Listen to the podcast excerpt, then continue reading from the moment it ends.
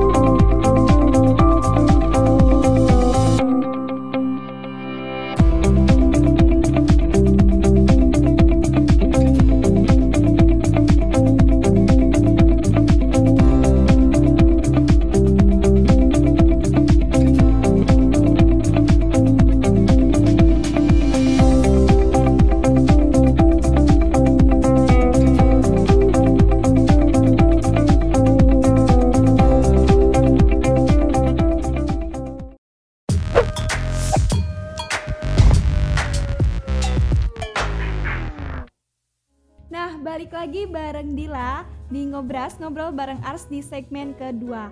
Uh, tadi di segmen pertama kita udah ngobrol-ngobrol soal latar belakang pendidikan Bapak ya. Nah di segmen sekarang Bapak, Nadila mau nanya nih, uh, tugas Bapak di sini uh, sebagai warek uh, akademik gimana Bapak? Ya, uh, tugas uh, warek akademik di sini kan ada tiga warek ya.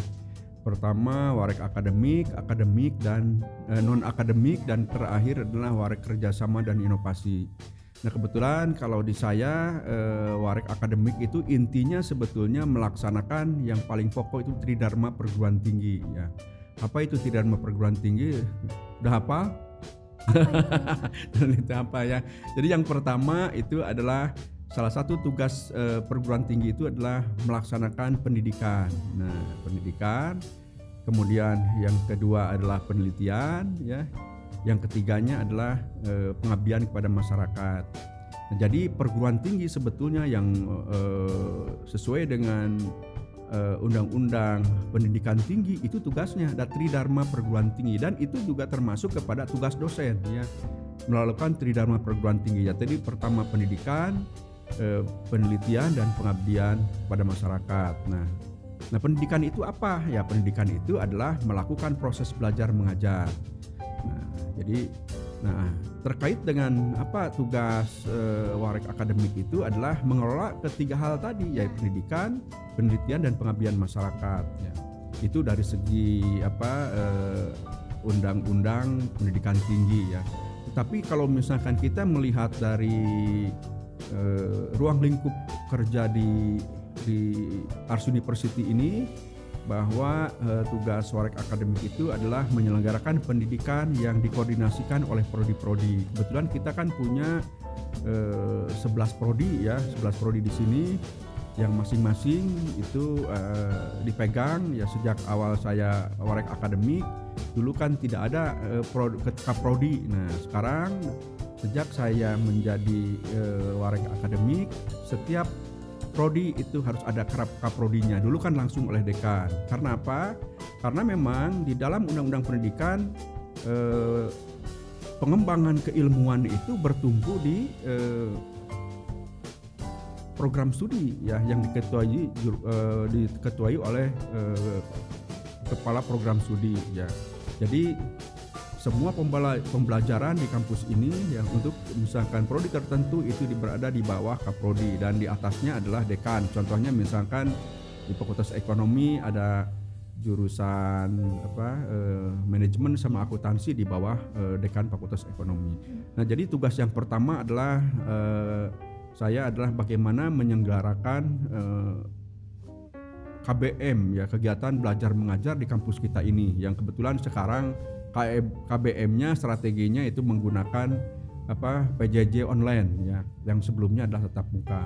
Kemudian eh, tugas yang kedua yaitu pengabdian masyarakat ya di sini diharapkan dan saya eh, sudah mewajibkan bahwa dosen-dosen itu di tiap semester itu harus melakukan penelitian ya.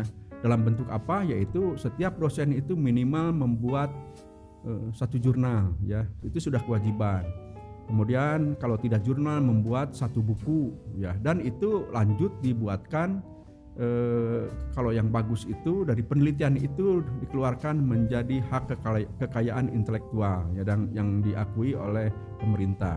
Ya. Kemudian yang terakhir adalah kebijakan pengabdian masyarakat.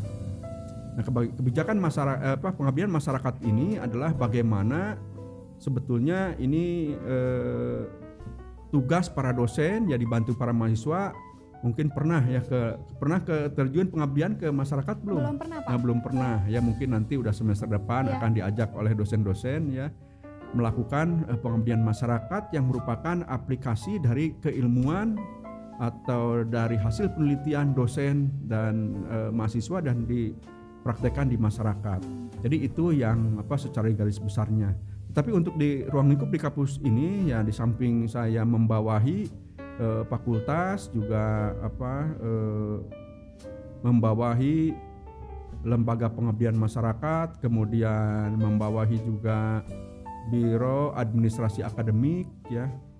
Kemudian pengembangan dosen, kemudian perpustakaan dan eh, yang berkaitan terutama adalah bagaimana sebetulnya e, bidang akademik ini bisa e, mendukung perkuliahan ya di kampus ini bagaimana berjalan lancar ya. Nah terkait dengan perkuliahan di sini bahwa eh, kita rencananya eh, awal September ini akan melakukan atau menerapkan kurikulum digital ya, kurikulum yang berbasis digital. Dan mungkin untuk yang semester 1 mungkin full ya. Nah, untuk yang eh, semester semester depannya mungkin kita akan melihat situasi karena memang ini kan kalau semester yang yang misalkan kayak eh, Danila udah semester berapa Semester sekarang? dua, Pak. Nah, semester 2 ya mungkin itu harus disiasati bagaimana eh, kurikulum berbasis di- digitalnya. Iya. Cuman yang jelas memang kita eh, dari kampus kita ini ingin melahirkan talenta-talenta di bidang yang ber, apa, berkompeten di bidang digital ya. Yang mana bidang digital ini merupakan sesuatu yang sangat berkembang saat ini dan untuk talenta-talenta itu harus diisi oleh orang-orang yang tepat dan orang-orang yang mempunyai kualifikasi ya. Bahkan terus terang sebetulnya eh, kita kan eh, kampus kita ini mempunyai eh, apa semacam eh, positioning ya which focus on your dream ya. jadi which focus on your dream itu apa yang menjadi impian eh, mahasiswa insya Allah akan terwujud di sini nah itu kita harus eh, mengaplikasikan bagaimana which focus on your dream ya. contoh misalkan Dedila apa sih impian setelah di sini setelah lulus di sini Nadila pengennya lanjut lagi lanjut apa? S2. Lanjut S2. Bukan karena saya tadi dikasih tahu ya. Bukan. ya. Nah, misalkan kan artinya kalau menurut saya which focus on your dream ini adalah se- sebetulnya kalau memang ini masih di- dirumuskan ya, yang memang belum menjadi kebijakan tapi memang akan mengarah ke sana. Dedila eh, setuju nggak bahwa misalkan harapan yang yang apa yang praktis yang simpel dari orang tua dan mahasiswa setelah lulus itu apa? Maksudnya setelah lulus apa eh, yang yang diharapkan setelah lulus kuliah S1? setelah lulus S1 mungkin ada tuh pengen Bukan ini um- umumnya, umumnya. Umumnya. Ya. Setelah lulus mau apa? setelah lulus ya apa? Mau bekerja atau nganggur? Nadi Atau nikah dulu? aduh nikah nanti dulu deh Pak. Eh, jadi artinya kan set- setuju nggak kalau misalkan eh, masuk kuliah ya, kemudian kuliah, wisuda, lulus, bekerja, setuju begitu? Setuju tapi enggak deh.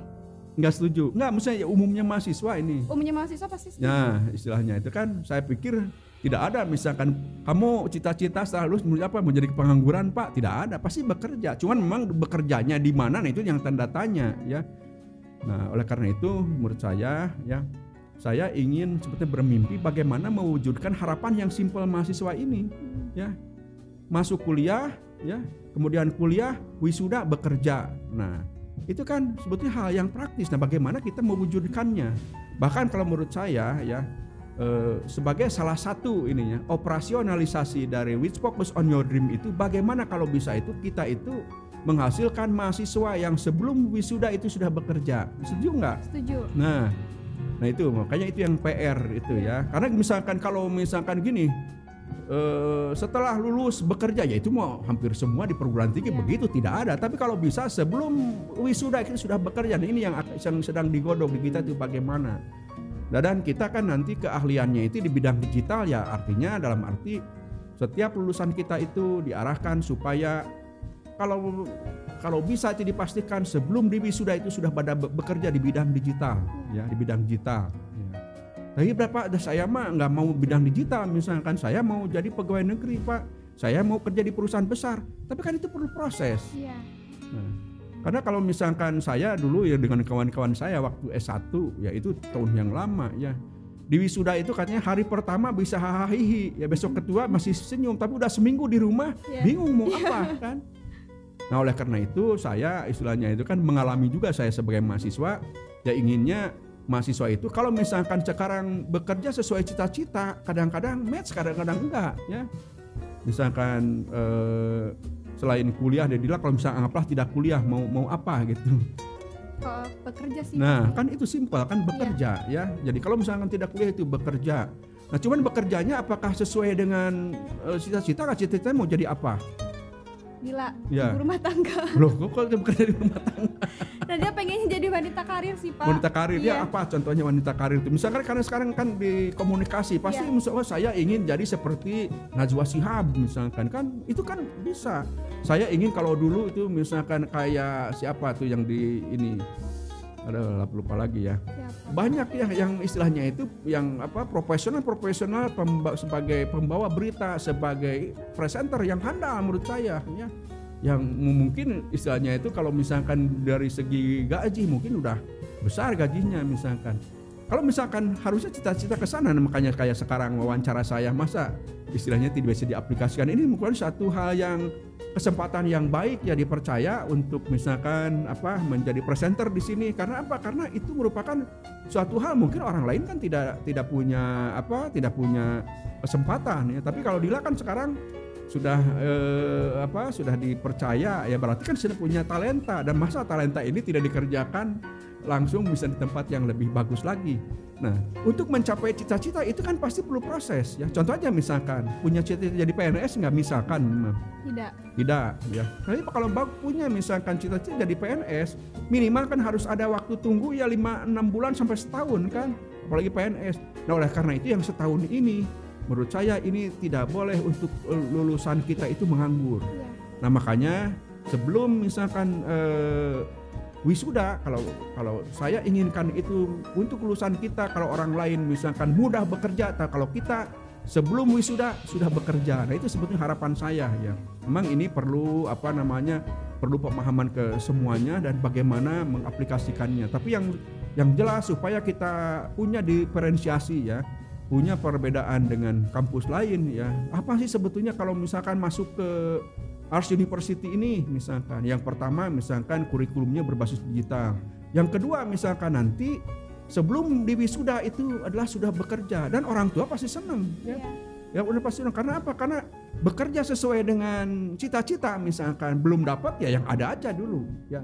Oleh karena itu saya sebetulnya sebagai warak akademik ya ke depan saya menginginkan which focus on your dream itu adalah eh, bagaimana mengoperasionalkannya ya. Jadi tidak hanya misalkan lulusan yang mudah bekerja ya kalau lulusan yang mudah bekerja semuanya juga mudah bekerja. Cuman kadang-kadang di mana bekerja kan tidak jelas ya. Makanya dengan talenta digital ini saya inginkan semua alumni kita itu eh, apa melek di bidang eh, digital dan sebelum wisuda kalau bisa dideklar bahwa semuanya lulusan kita itu sudah pada bekerja itu sebetulnya apa eh, orientasi saya yang paling yang paling puncaknya itu itu gitu jadi misalkan pak dari fakultas apa saja pokoknya semua fakultas yang ada di sini ya. Iya. Contohnya misalkan kalau keperawatan bagaimana Pak? Ya misalkan keperawatan kan kalau misalkan eh, tes-tes nunggu itu kan masih tidak mungkin satu hari tes langsung diterima itu kan perlu proses. Nah untuk menunggu itu itu kan ada jeda waktu. Nah Ada dengan space ya, Pak. ya dengan kapabilitas misalkan di bidang digital di sini menurut saya ya insya Allah orang-orang yang yang eh, alumni kampus kita itu adalah orang-orang yang mandiri dan bisa mengaplikasikannya eh, kemampuan digitalnya itu secara mandiri ya makanya nanti kan dikembangkan di sini terutama misalkan bagaimana entrepreneurship ya itu harus ditekankan ya. Ya karena apa? Karena memang kondisi sekarang ya untuk ya apalagi misalkan dalam kondisi di tengah pandemi begini ya eh, lapangan kerja mungkin untuk sementara ini untuk tahun ini atau mungkin untuk tahun depan agak sedikit Minim ya, Pak ya. minim ya. Nah coba yang berkembang sekarang bisnis apa? Ada yang tahu nggak? Bisnis rumahan homemade kayak gitu. Ya bisnis rumahan ya melalui apa namanya Kayak eh, kuliner, digital. ya gitu bisa misalkan kan digital. mau digital. Misalnya kayak contoh lebaran kemarin kan siapa yang mau jalan-jalan ke mall kemarin? Enggak ada kemarin jalan-jalannya ke mana? Belanjanya? Kan pasti di pakai. online. nah itu kan salah satunya. Dan menurut saya itu bisa dikendalikan di mana saja.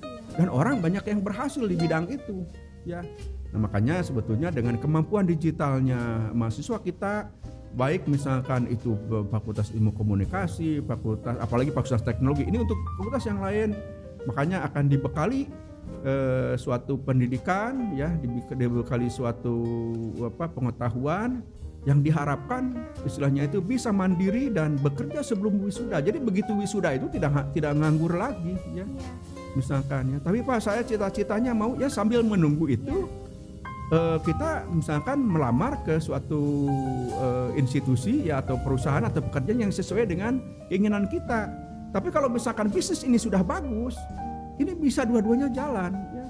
Banyak orang apalagi misalkan sekarang ya dengan zaman digital ini bekerja sih bekerja tapi punya side business dan sini banyak dosen kayak begitu ya banyak dosen ibu-ibu rumah tangga dengan berkemampuan bisnis eh, apa eh, yang dimilikinya dan bisa berkembang menjadi eh, para pengusaha di bidang digital ya. Yang justru sebetulnya ya kita kalau misalkan saya eh, kebetulan saya juga mengajar di MM salah satu mengajar marketing manajemennya yang di kita kelemahannya sebetulnya di kita itu negara kita umumnya adalah negara uh, menjadi konsumen ya menjadi konsumen tidak menjadi produsen apalagi menjadi penjual nah oleh karena itu bagaimana misalkan yang mendukung program pemerintah ya untuk alumni-alumni kita itu bukan hanya misalkan hanya konsumen saja tapi bagaimana misalkan kita mampu menjual produk ke orang lain apalagi bisa keluar negeri ya apa saja produknya Pak? Sebetulnya produk kita melimpah di mana saja ada, ya. Di mana saja ada. Nah, cuman kan masalahnya apa eh, kita kadang-kadang tidak pengenya, punya pengetahuan ya di bidang digital atau tidak punya pengetahuan di bidang pemasaran itu sendirinya. Makanya oleh karena itu mungkin ke depan ya sesuai dengan apa eh, cita-cita saya bagaimana kita menciptakan alumni kita itu bisa uh, bekerja sebelum, sebelum wisuda. wisuda. Nah itu which focus on your yeah. dream dan itu menjadi impian saya dan menjadi impian kita semua barangkali yeah. ya. Nah, kita baru aja mendengarkan uh, penjelasan dari Bapak soal tugas dan program kerja di Ars University ini. Yeah. Iya. Uh, mungkin di segmen selanjutnya, tapi sebelum lanjut ke segmen selanjutnya kita saksikan tayangan yang berikut ini.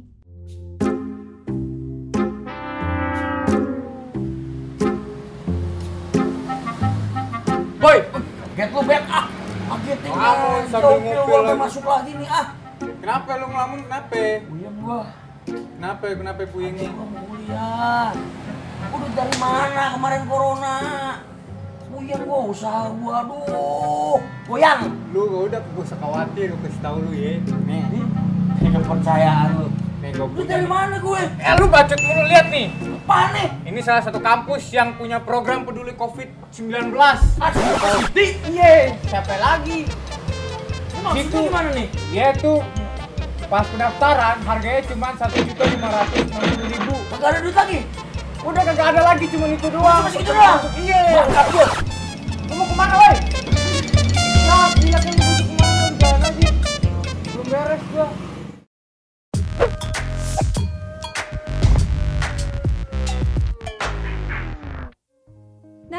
Balik lagi bareng Dila. Di segmen kali ini kita bakal nyantai-nyantai aja ya Pak ya. ya? Boleh. Ada game sedikit pertanyaan nih. Ada namanya rapid question Pak. Uh, siap Bapak? Insya Allah. Tapi susah ya. Gampang banget kok Pak nih.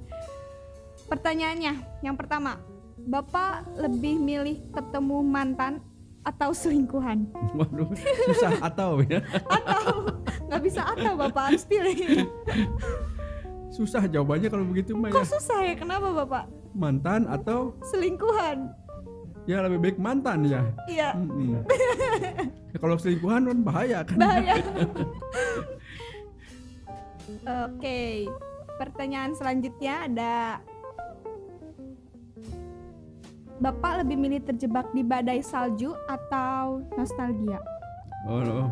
salju atau nostalgia? Nostalgia, nostalgia ya. Kenapa Bapak? Nostalgia kan kalau namanya orang itu pasti ada kenangan manis iya, ya nah itu kan pasti ada ya. kalian ya. tahu nggak sih ada ada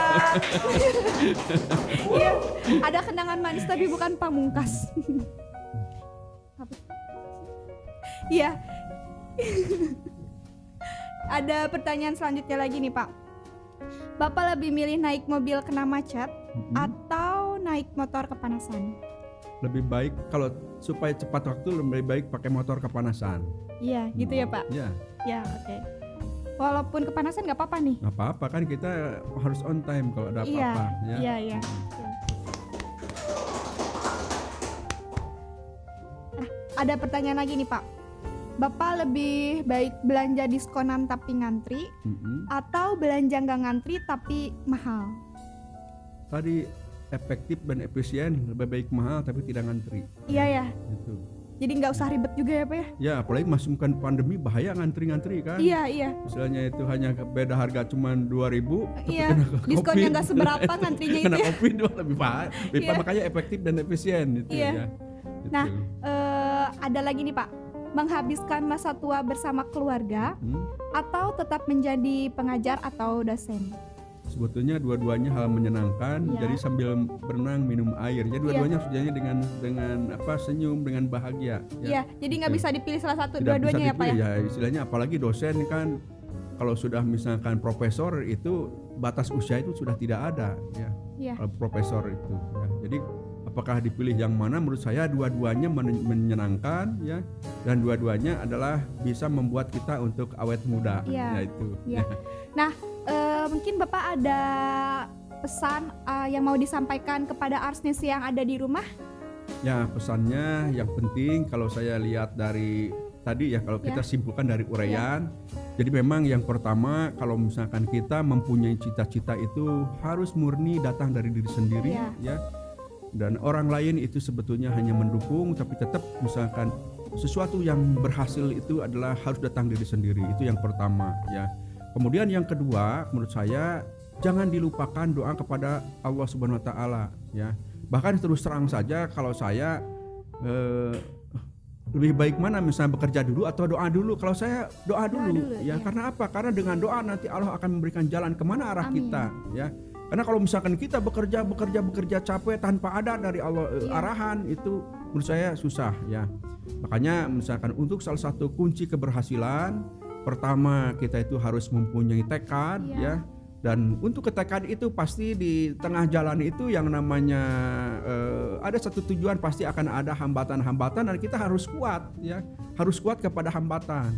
Dan yang paling penting sebetulnya adalah doa Iya. ya.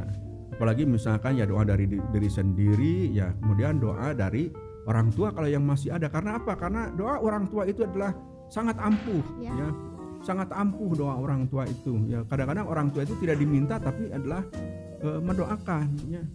Bahkan katanya kalau doa yang terkabul itu adalah doa dari orang yang tidak tahu mendoakan kita itu terkabul karena tidak diminta Amin. apalagi doa orang tua ya.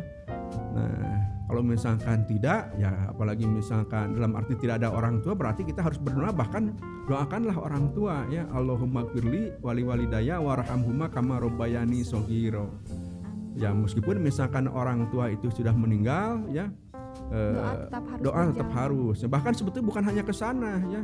Wali jami'il mu'minin wal mu'minat wal muslimin wal muslimat al ahya ibn wal amat doakan semua muslimin muslimat yang masih hidup maupun yang sudah mati insya Allah akan datang barokah itu kepada kita Amin. ya.